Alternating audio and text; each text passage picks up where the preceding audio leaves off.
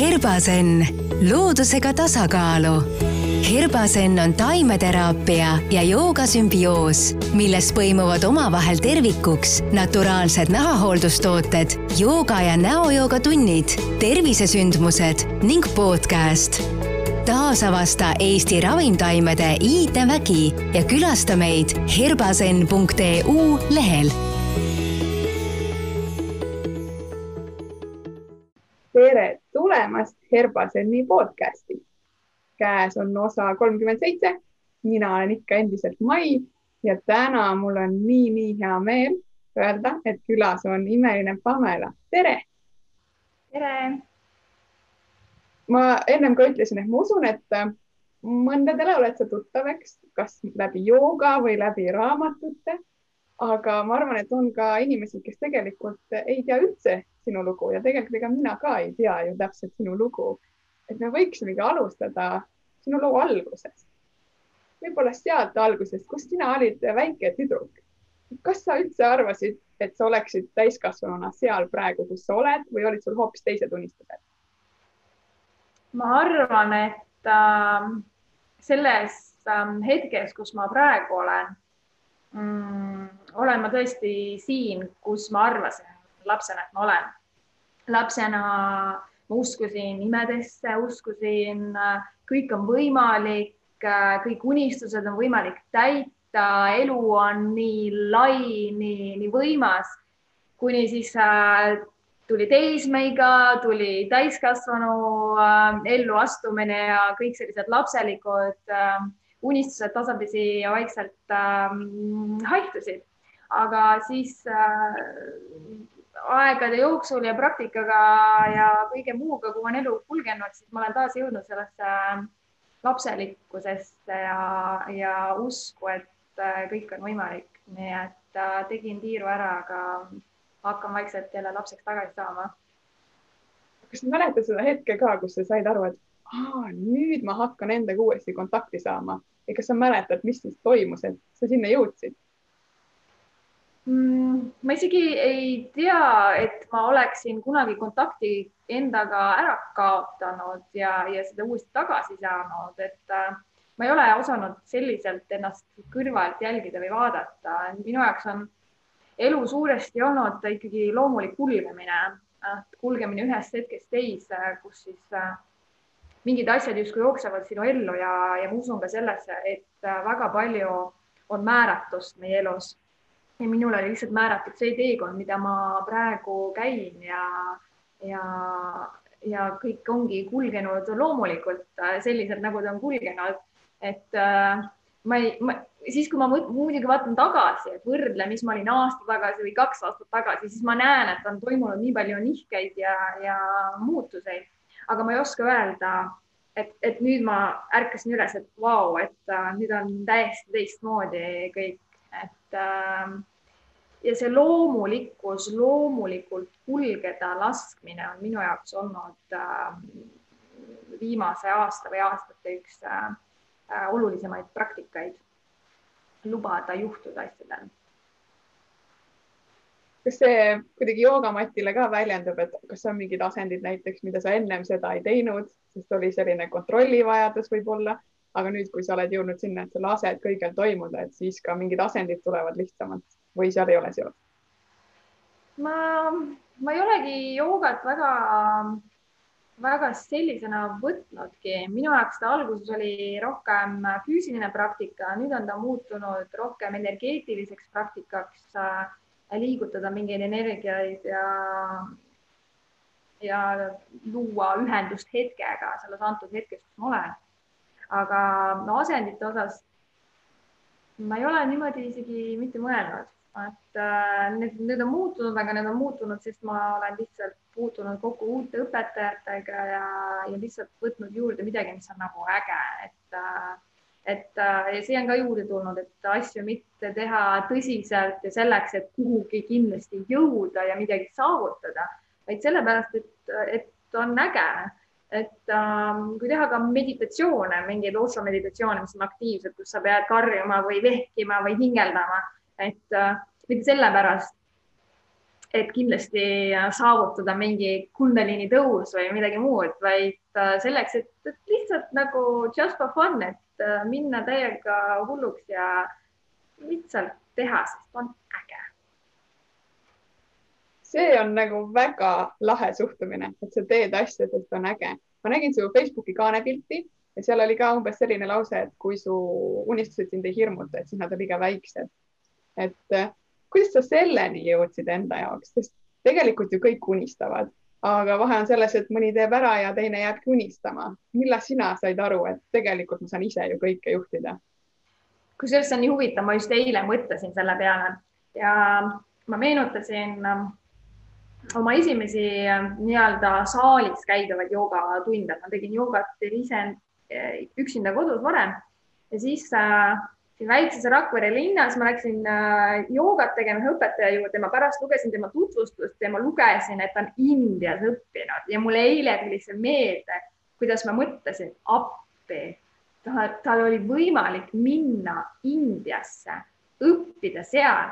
see pole, minul pole see lihtsalt võimalik, ma ei saa olla kuu aega Eestist ära ja, ja lisaks see raha, mis sinna alla läheb, et, et, issand, kui kihvt, et keegi on seda teinud ja siis äh, noh, nüüd muidugi ma meenutan seda, olles ise nüüd käinud korduvalt Indias ja Tais ja, ja üle kuu ära olnud ja alati leidnud selleks võimaluse, siis ma mõtlen, kuidas see meeleseisund on nii muutunud sellega, kus, kus mul tundus, et asjad on võimatud, et keegi teine saab neid puudutada, keegi teine saab äh, neid asju teha, aga minul on see võimatu, sest mulle ei ole justkui antud.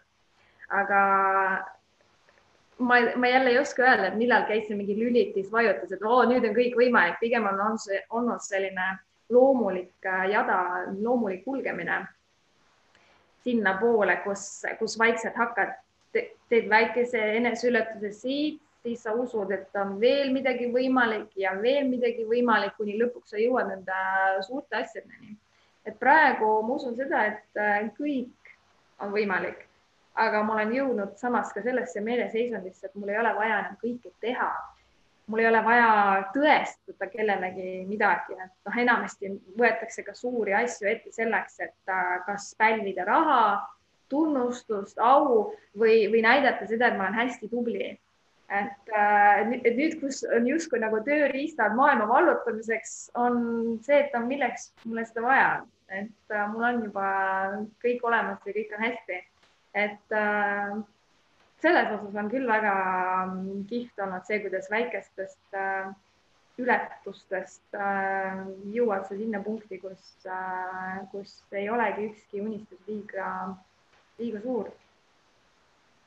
aga see kõik nüüd paneb küsima kindlasti, milline on siis su tavaline argipäev, kui sa seda suurt hetke nii-öelda ei mäleta, kus muutused toimusid, siis tähendab, et sa teed midagi igapäevaselt et progressi siis endale luua. kuidas siis sa võiksid öelda, et su üks päev välja näeb? ma saan aru, et see võib olla erinev, aga võib-olla selline keskmine päev. Mu päevad, ma arvan, on äh, pealtnäha küllaltki igavad, et äh, et ma olen teinud läbi need etapid, kus ka ma ärkasin üles kell neli hommikul, et praktiseerida kolm pool tundi ja ja, ja igasuguseid ekstreemsuseid.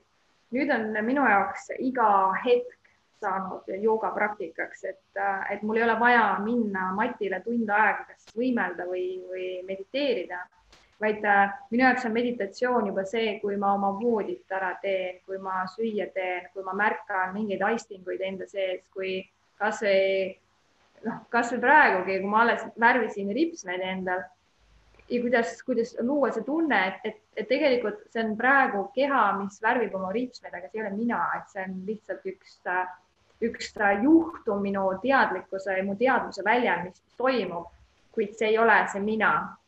Et, et minu jaoks on nii-öelda praktika iga, iga hetk selles päevas äh, ärkamisest kuni magama jäämiseni ja ma katsun ka une ajal leida seda kontakti, et äh, praktiseerida.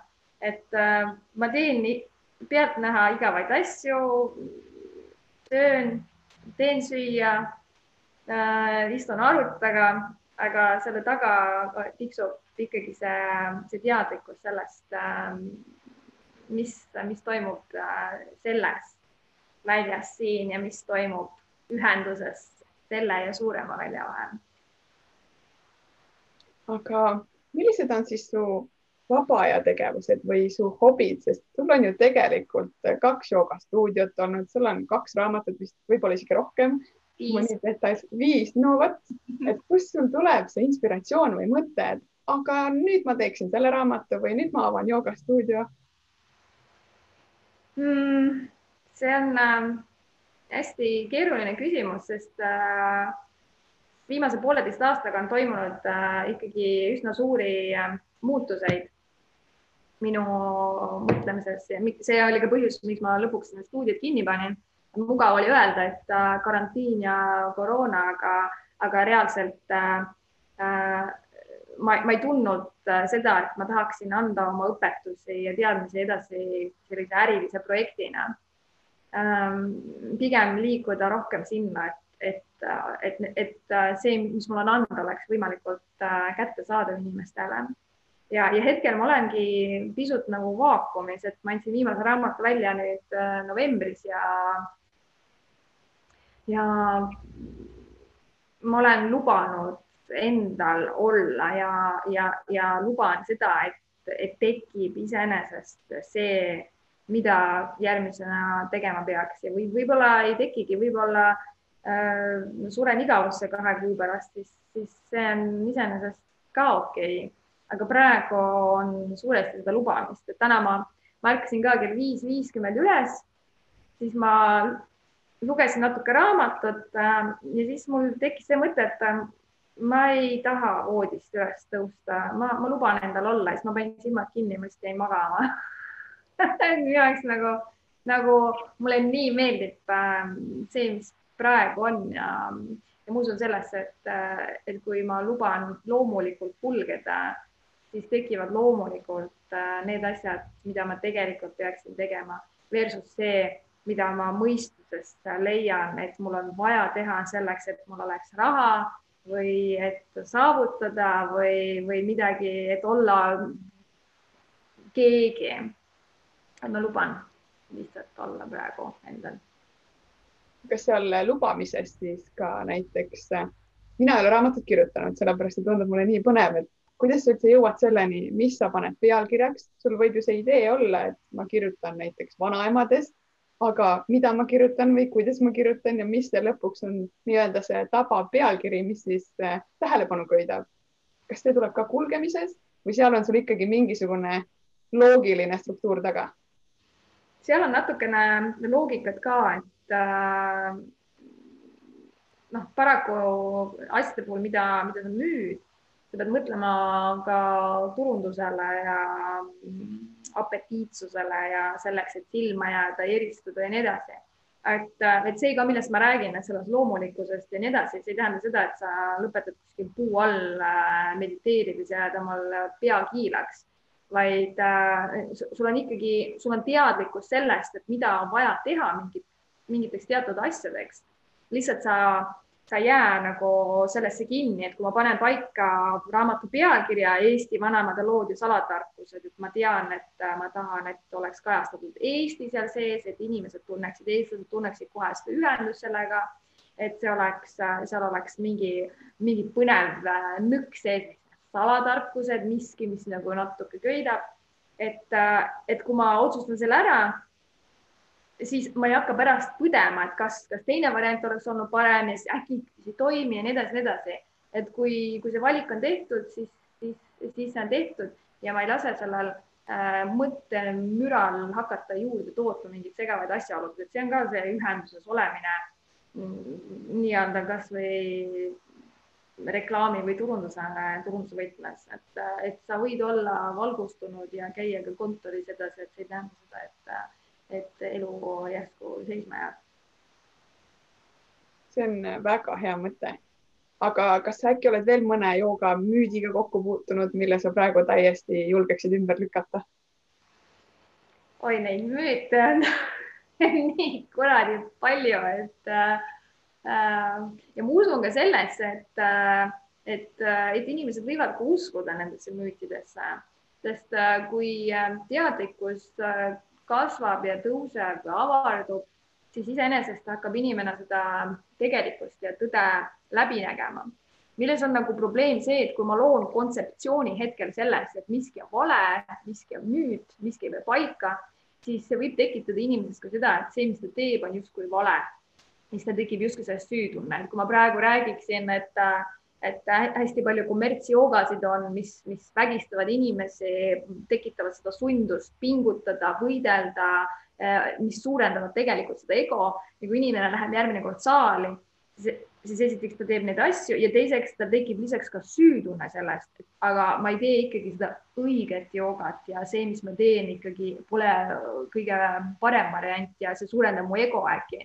et äh, ma, ma nagu ei taha nagu neid kontseptsioone tekitada sellest õigest äh, ja valest, pigem mida ma kultiveerin, on see, et kõik, mis sa teed, on juba hästi õige ja ja kui tahad oma äh, teadvust avardada, siis äh, lihtsalt leia hetki, et märgata, mis sinu sees toimub, mis sinu mõttes toimub ja sa jõuad ise sinna tõe juurde. Mida vähem on neid kontseptsioone sellest, äh, kuidas peaks õigem olema ja mis asi on vale, mida rohkem sul on peas seda, neid selliseid pisikesi puurikesi ja kastikesi, siis seda raskem on sellest äh, välja rabeleda.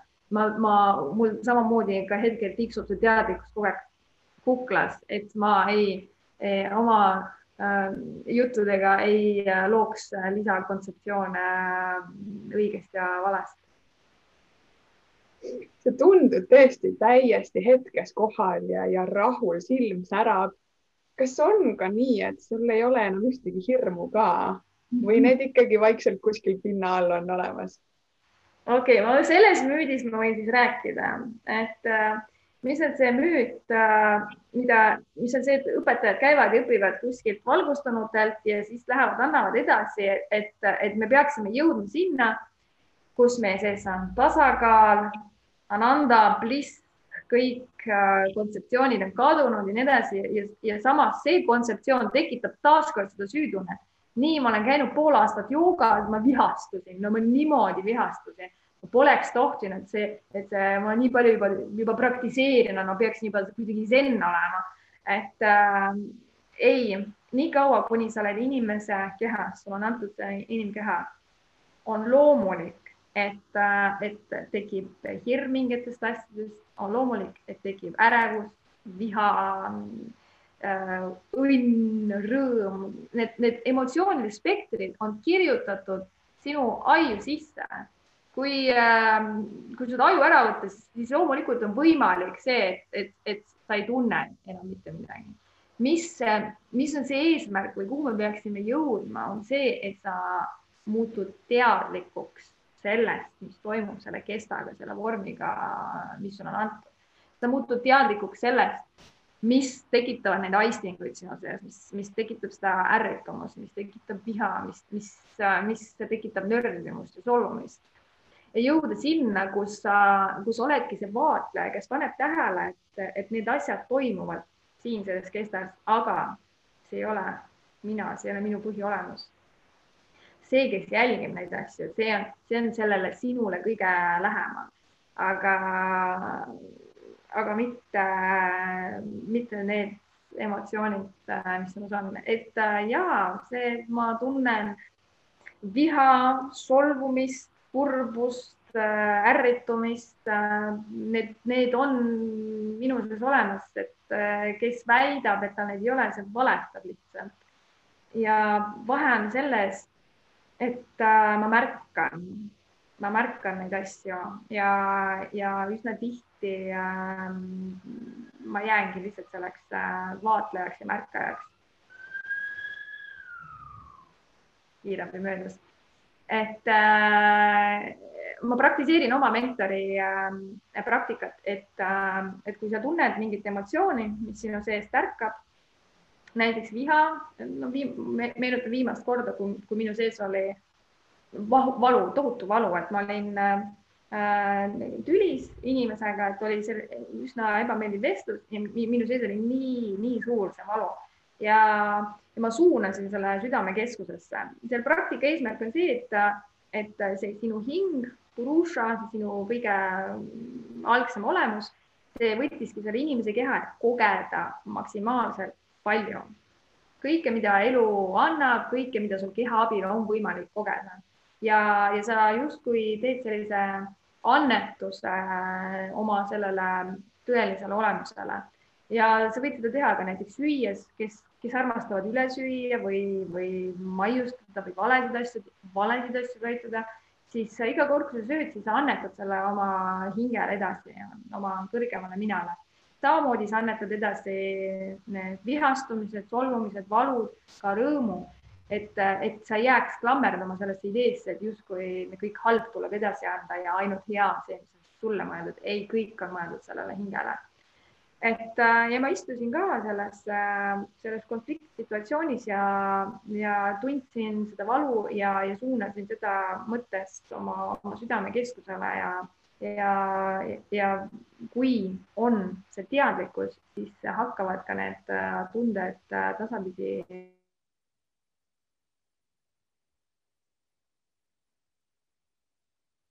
sellest, äh, mis toimub sinu kehas ja sa liigud rohkem märkajaks ja seeläbi muutud sa veel armastavamaks, et äh, ma, ma praktiseerin seda, seda üha rohkem, et äh, mentor Alex soovitas seda mulle juba aasta aega tagasi vist praktiseerida, kui mitte rohkem, aga tol hetkel see ei olnud minule loomulik, kuigi see tundus lihtne praktika, ma proovisin seda, aga see ei jäänud mulle külge, sest ma ei olnud valmis selleks, mu teadlikkus ei olnud äh, piisavalt äh, avar, et seda vastu võtta.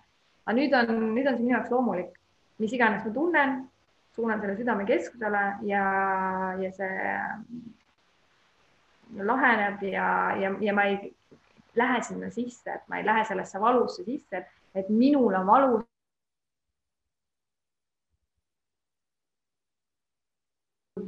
ja siis lihtsalt äh, kerid sellega edasi lihtsalt mingi täiesti olematu tulekahju, kui tegelikult saab selle väikse sademekese juba ära kustutada aga inimloomus on ju selline, et ta tahab kohe ja kiiresti saada neid tulemusi ja nagu sa ütlesid ka, et aasta aega tagasi sulle juba öeldi, et võta see kasutusele ja sul läks aega ja sina oled ju tegelikult praktiseerinud kaua teadlikkust ja kõike. aga kui nüüd kuulab näiteks keegi, kes pole kunagi midagi sellist teinud, kuidas tema võiks alustada? alustada sellest, mis tundub endale kõige loomulikum. et äh, see, mida sa suudad teha iga päev, on see, mis on sinule mõeldud praktika ja võib-olla on see näiteks raamatute lugemine, et kui sulle meeldib äh, raamatuid lugeda, siis loe inspireerivaid äh, raamatuid mindfulnessist või meditatsioonist, äh, miks mitte Osho filosoofilisi raamatuid. Et kui see on sinu tee, siis vali see tee, kui sa oled rohkem füüsiline inimene, kellele meeldib see enda tagant piitsutamine ja, ja surumine, sundimine, siis mine joogasse, et leia see tee. kui sa oled laisk vorst,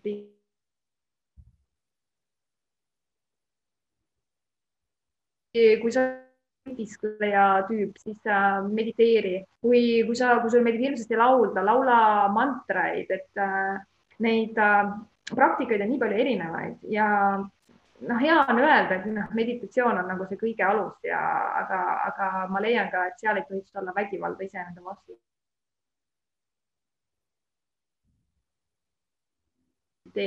et igasugune praktika võib saada vastupidi sinu ego veel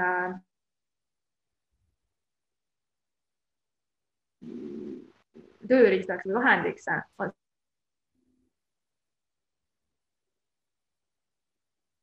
noh, ma mediteerin iga päev tund aega või ma olen kaksteist aastat juba joogat teinud ja teengi iga hommik seda, et kui sellest on saanud lihtsalt üks viis endale rinnale taguda, siis sinu praktika ilmselt ei vii sind õigesse kohta, vaid vastupidi, sellest kohast eemale. et kui sa muutud armastavamaks, heatahtlikumaks, mõistvamaks, aktsepteerivamaks, siis sa tead, et see, mida sa praegu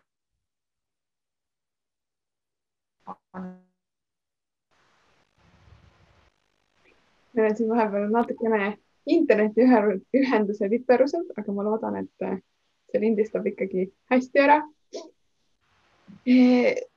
kas sa mäletad seda, kuidas sina üldse oma tee joogani leidsid või miks sa läksid üldse esimesse joogatundi mm.? Ma kirjutasin selles tutvustuses ka, mis seal Facebookis üleval oli, et, äh, et minu kokkupuude joogaga tegelikult äh, algas juba lapsepõlves. et äh, ja ma, ma enamasti siiski, kui ma räägin joogast, ma mõtlen selle all pigem ikkagi äh, joogat kui meelelaadi ja filosoofiat, et äh, kui ma räägin sellest füüsilisest praktikast, ma räägin aastane praktikast, et äh, aastane praktikaga oligi lapsepõlves see, et oli, meil oli kodus Enn Loo raamat Võimle terviseks, mille ma võtsin ette ja siis vaatasin seal kõige ägedamaid asendeid ja siis lihtsalt sellepärast, et ta oli äge eh,, hakkasin siis eh, tegema igasugust majuraasanat ja, ja Nauli Kriiat ja mingeid eh, muid veidruseid. ja, ja läbi aegade sai, said need asendid mulle selliseks äh, hommikupraktikaks, et ma kuu aega praktiseerisin, tegin ja siis ma jälle ei teinud. et ilmselt miks miks see mulle sobis, oli see, et ma olen tegelikult hüpermobiilne, et et kui on näha selliseid pilte, kus ma väänan kringlis, siis see ei tule üksnes sellepärast, et ma olen hästi palju praktiseerinud, vaid lihtsalt mul on äh, lodev lodev äh, sidekude ja, ja lihaskond ja, ja see minule lihtsalt loomulik ja seepärast ilmselt mulle hästi sobisid ka need aastanad, et äh, mul oli neid mugav ja tore ja hea võtta. et kes on ikkagi hirmus kange ja ta võtab selle raamatu kätte, siis, siis ilmselt äh, sealt temal mingit äh, põnevust ei teki nagu mul. ja, ja need aastanad olid pikka aega mul osaks, kuni peaaegu kaheksa aastat tagasi ma võtsin vastu otsuse, et, et nüüd ei ole see, et kuu aega teen ja siis üksteist kuud ei tee, vaid ma teen iga päev. ma hakkasin kodus äh, praktiseerima ja läks ikkagi kaua aega, enne kui ma julgesin minna äh, nii-öelda saali teistega koos tegema.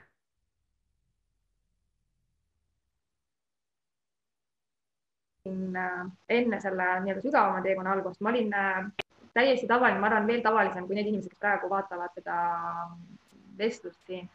et need, kes juba vaatavad, nende teadlikkus on juba pisut teine, aga, aga see, kes mina olin ähm, üheksa aastat tagasi, ma olin ikka tavaline kännuämblik, et äh, kartsin kõike ja ei uskunud enam millessegi ja, ja põdesin ja, ja nii edasi et äh, siis, kui äh, sai see kodune ettevalmistus piisavalt suur, siis ma läksin äh, saali ja siis hakkas Äh, hakkasid asjad vaikselt tasapisi muutuma.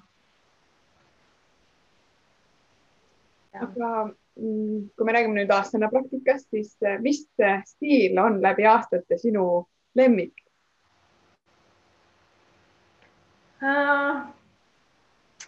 keeruline küsimus, ma ei olegi iseenesest väga ühtegi stiili ära kiindunud Äh, välja arvatud äh, nüüd äh, ma käisin poolteist aastat tagasi Tais, meil oli viis nädalat oli? Mm, kus siis üks Läti poiss on teinud Koh-Samui saarele väga kihvti sellise joogamekka, kus on siis bangalod ja hästi palju saale täisvarustusega ja mega hea kohvik ja nii edasi. praegu neil on, on üsna noh, suurtes raskustes, kuna, kuna Tai on väga karmide sisenemisreeglitega.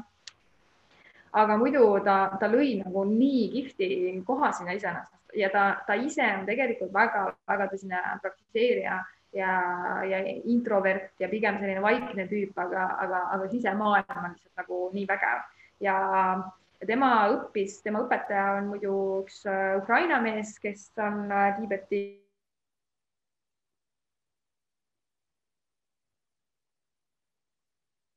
arendas välja siis selle oma õpetaja õpetuste baasil äh, siis Vikasa jooga nimelise sellise tunni, kus siis äh,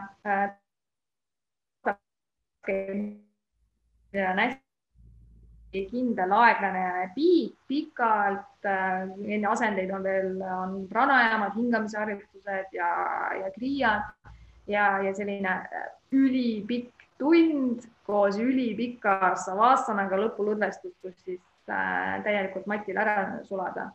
ja, ja mulle on tundunud noh, isiklikult ja käesoleval hetkel, et see on nagu kõige sellisem lähedasem sellele jooga tõelisele olemusele, mis see, mis see jooga võiks olla.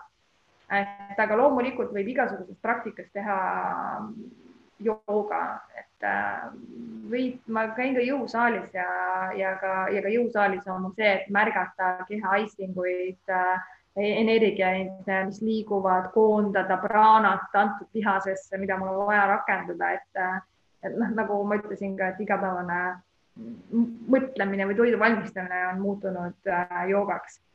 aga kui, kui rääkida stiilidest, siis äh,, siis mulle väga Vikasa meeldib ja, ja millal iganes ma uuesti tunde annan, siis ma soovitan inimestel tulla järele proovida, et te saate teistmoodi väga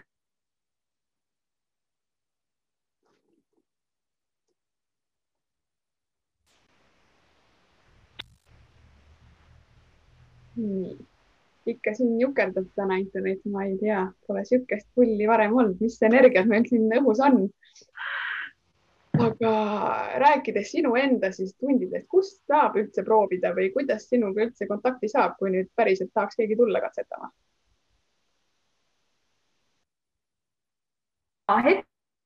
võtan pisut hoogu, et et leida mingeid kohti ja, ja võimalusi või noh, tegelikult on see noh, rohkem kättevõtmise asi ja ma ei ole veel jõudnud sellesse punkti, et ennast kätte võtta. et äh, minu ideaalis ma tahaksin väga anda üsna palju tasuta praktikaid, nagu ma ütlesin, et, et äh, see tee oleks kättesaadav kõigile. ja, ja kui ma vähegi viitsin, siis ka erinevates kohtades Eestis äh, mitte jääda ainult mingi, mingi ühe konkreetse koha keskseks, kui ma just ise ka endale metsa joogamekka valmis ei ehita. aga, aga muidu ma privaattunde annan ikka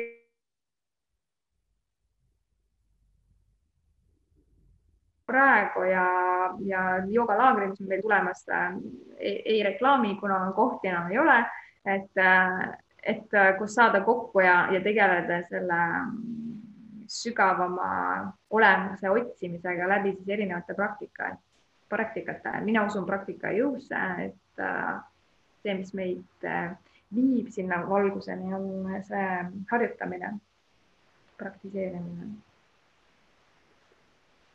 mis on sinu jaoks õnneliku elu valem, sa peaksid selle, ütleme, ühe-kahe lausega kokku võtma? Nii, huvitav küsimus ähm, Tais äh, seal koolis, kus ma käisin, seal oli, nende slogan oli happiness is a choice. ja kui ma tulin sealt tagasi, viis nädalat energeetilisi praktikaid, oma kihtides sorimisi, alasti võtmisi ja nii edasi, nii edasi. ma olen sellest üsna palju rääkinud ka, et äh, ma vajusin sellisesse väga pikka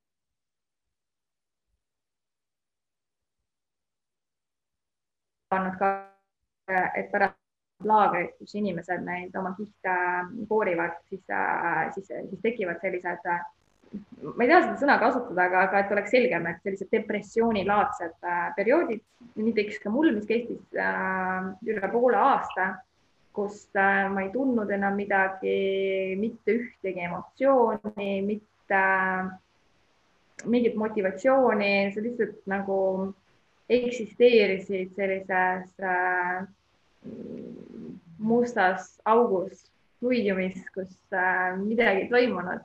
Ja, ja sel hetkel ma sain aru, et äh, happiness is not choice, et äh, sellises hetkes ei ole võimalik valida õnne või see oleks lihtsalt äh, teesklus äh,, fake imine, see ei oleks nagu kuhugi viinud, sest vastupidi, see oleks tekitanud veel suuremat lõhet, kui minu sees on, on pimedus ja öö ja, ja ma sunnin ennast naeratama ja filme vaatama, mis nagu, mis ei ole minu sisemusest tulevad, siis ma lihtsalt tekitan seda, seda dissonantsi veel rohkem. aga ma sain aru olulisemast asjast, et acceptance is a choice ja igal hetkel valida, aktsepteerida seda, mis on. see on see, mis on võimalik, et ja, ja me võime nimetada, et see ongi see õnne valem, aga siis ei maksa arvata, et õnn tähendab seda, seda rõõmu, seda emotsiooni, mis on sinu sees, aga see tähendab seda, seda sügavat rahulolu, sügavat äh, tunnet, et sa oled õiges äh, kohas.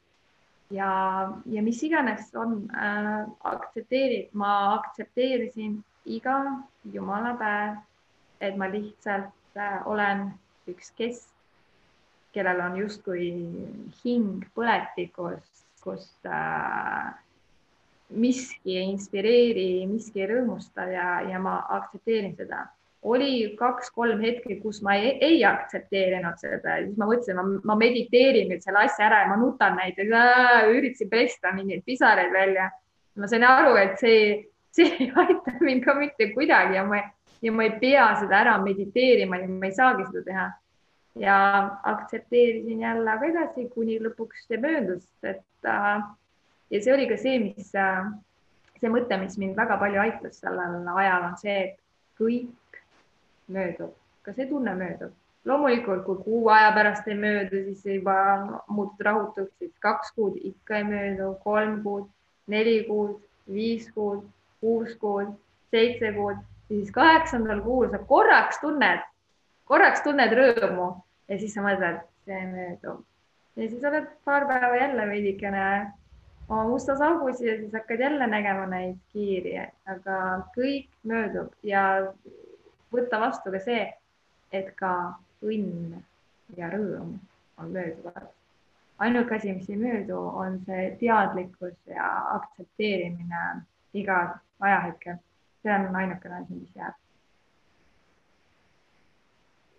see oli väga-väga sügav ja oluline jagamine, sest äh, olen ka mina kuulnud selliseid kommentaare osade inimeste kohta, et oi, ta on ju kogu aeg nii positiivne, temal küll ei ole neid halbasid päevasid. Tegelikult ju ikka on, lihtsalt küsimus on selles, kuidas sa seda aktsepteerid ja kuidas seda välja näitad. me oleme harjunud kandma neid maske, et olla tubli, õnnelik, edukas, rõõmus, sest äh, juba lapsest saati on meie sisse see kodeeritud, kui sa jonnid, siis lähed nurka, kui sa jonnid, siis sa ei saa magustoitu. iga kord, kui sul oli halb tuju, kui, kui sul oli valus, vihane või kurb, sa said selle eest karistada. keegi ei armasta sind siis, kui sa jonnid, sa oled õnnetu, sa oled kurb, sa oled vihane.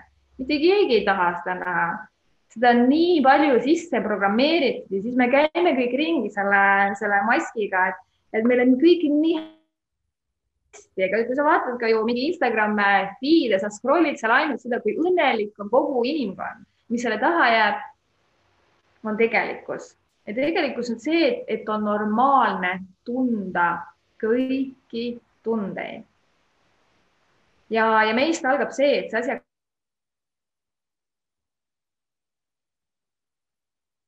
et äh, ma nii palju praktiseerin ka seda oma tütre peal, et, äh, et seda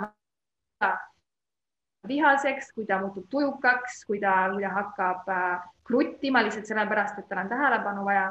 ma märkan seda, märkan seda tunnet minu sees, mis tekib, ma luban sellele olla loomulik, et minust tekib ka ärritumus, kui ta jonnib, aga selle üle kõige laiub ta, taaskord see, see teadlikkus, see armastav teadlikkus, mis, mis ütleb mu tütrele, sa võid jonnida. Väsinud ja sa oled sellegipoolest hoitud, armastatud.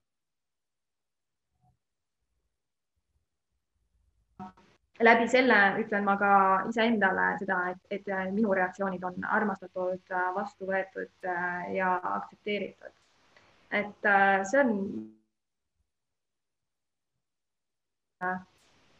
ilusamaid praktikaid, äh, mida praktiseerida oma lähedaste pea, et nad võivad tunda, nagu nad tunnevad ja mitte liikuda sellesse, et ma olen nüüd solvunud ja ma olen vihane nüüd sellepärast, kuidas sina tundsid ja hakata tekitama seda, et sa ei tohi tunda nii, nagu sa tunned pakid, tunnen kõike. aga kas sa näed ka mingit muutust, kuidas see on äh, su tütrele mõjunud, et sa lased tal olla selles tundes? ja äh, ma panen, olen seda kusjuures eriti viimasel ajal tähele pannud, on see, et äh, ta tuleb paluma vabandust, et ma palun vabandust, et ma olin tujukas. Ja, ja minu roll on siis öelda, et sa võid olla tujukas, ma ikka armastan sind.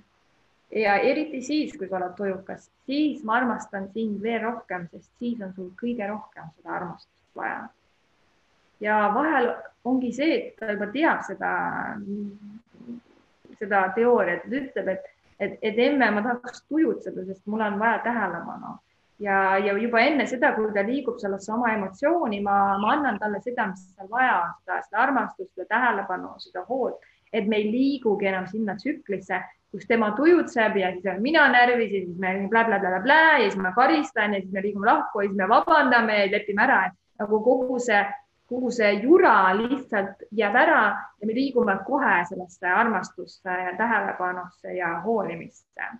et seda on nagu nii kihvt äh, jälgida, kuidas äh,, kuidas, kuidas see dünaamika on muutunud, et noh, ta on üheksa aastane, et loomulikult ma olen juba igasugust crap'i talle programmeerinud esimesed aastad, kui, kui ma ise ei olnud piisavalt teadlik, aga see, see muutub kogu aeg äh, aja jooksul ja nagu kihvt, no nii kuradi kihvt.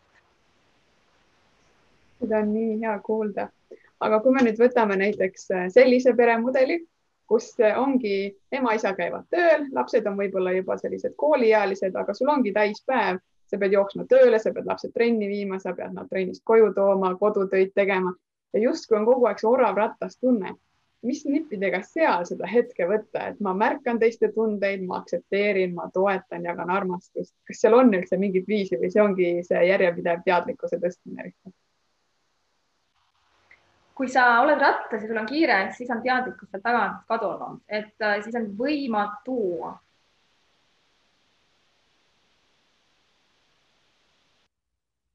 Äh, sa oled äh, automaatikas sees, et sa oled muutunud lihtsalt arvutis erinevaid versioone ja programme läbi. see, et sa muutuksid armastuseks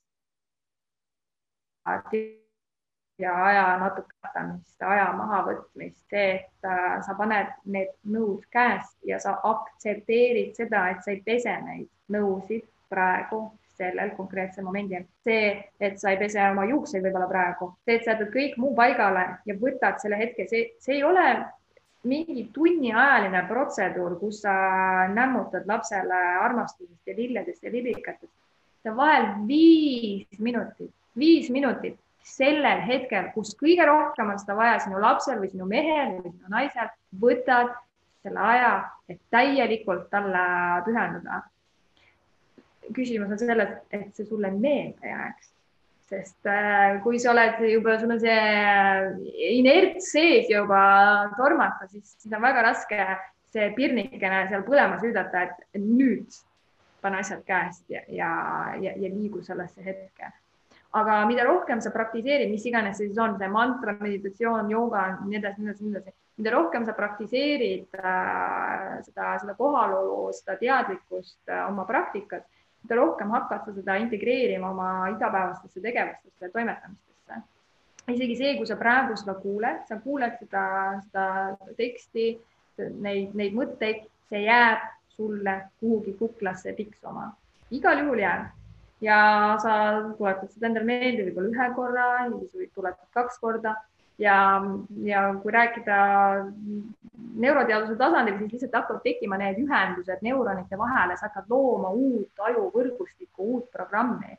mida rohkem sa praktiseerid, seda tugevamaks see muutub ja seeläbi muutub ka käitumine, seeläbi muutub kogu peredünaamika ja see kõik hakkab toitma juba iseenesest ennast äh, läbi selle armastuse ja märkamise lihtsalt nii väiksest asjast, et sa võtad selle ühe hetke, et praktiseerida mida iganes sa armastad. see on väga hea mõte. tegelikult kõik saavad sellega hakkama, lihtsalt teadvusta, et see viis minutit on olemas. Just. aga kuna sa ütlesid, et sina oled põhimõtteliselt on ju tunnetamises ja kulgemises vaatad, mis elu nüüd edasi sulle pakub, siis ma ikkagi tahaks küsida seda, et kas on ka veel midagi, millest sa unistad, et sul on peas see mõte, et vot seda ma tahaks veel kogeda või teha mm,? kuule, need on nii huvitavad küsimused, ma pean mõtlema, aga äh, ainukene asi, mis on nii-öelda ainukene asi tõepoolest nii kõvasti mu sisse klammerdunud käesoleval hetkel on, on suurem kodu, et ma saaksin tütrele oma toa, et me praegu siin jagame küll kuuekümne ruudust korterit, mis on päris suur, aga, aga magamiseks on meil üks ruum, aga ma nii tahaks, et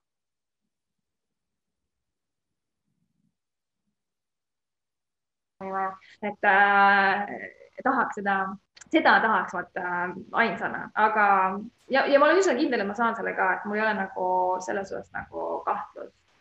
aga muudes asjades, mida aeg edasi, seda vähem äh, on mul saavutamisvajadust, et äh, võib-olla ka sellepärast, et ma olen enda jaoks juba nii palju ära teinud, ära kogenud, et äh,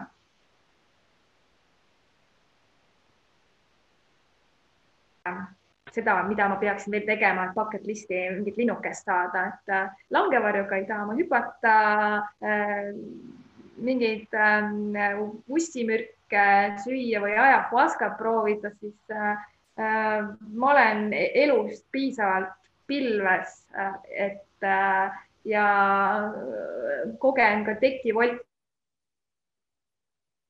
sellist blissi, et ma ei, muus osas ei, ei leia, et aga ma ei väida seda, et võib-olla järgmisel aastal ma olen kuskil Amazonase metsades süstimas konnalima endale perse, nii et äh, ma võtan kõik vastu, mis tuleb. see on väga eluterve suhtumine. kunagi ju tegelikult ei tea, mis, mis elu toob ja, ja kuidas meie ise ajas muutume. ja kas sa äkki veel tunned, et su südames on midagi, mida sa tahaksid jagada, mida ma ei ole jõudnud küsida näiteks? Äh, ma ei tea, ma usun ka sellesse, et äh, kõik see, mis sai jagatud, on täiuslik ja, ja need äh, küsimused, mis tekkisid, olid täpselt äh, vajalikud selle jaoks, et need, kes seda kuulaksid, saaksid selle, mida neil vaja oli. et äh, mina, ma tahan jagada ähm, armastust ja headust ja aktsepteerimist, nii et äh, võtke kõik see suur ja vägev armastus, mis meil on ümberringi ja, ja rohkem polegi vaja. just eriti praegusel ajal jagada armastust ümberringi veel, veel rohkem ma tänan sind nii-nii väga, et sa tulid ja jagasid killukese endast, kuigi ma olen kindel, et see on ainult väga-väga väike killuke. ma tänan sind, kuulaja. kui sul on küsimusi, siis sa võid julgelt kirjutada Pamelale otse. Sleeping Yogini Facebooki leht on täiesti olemas. saate sealt ise edasi vestelda või kui sul on küsimusi, siis sa võid jätta ka nad video alla, edastan nad kindlasti suurema rõõmuga. mina tänan ja soovin mõnusat nädala jätku aitäh sulle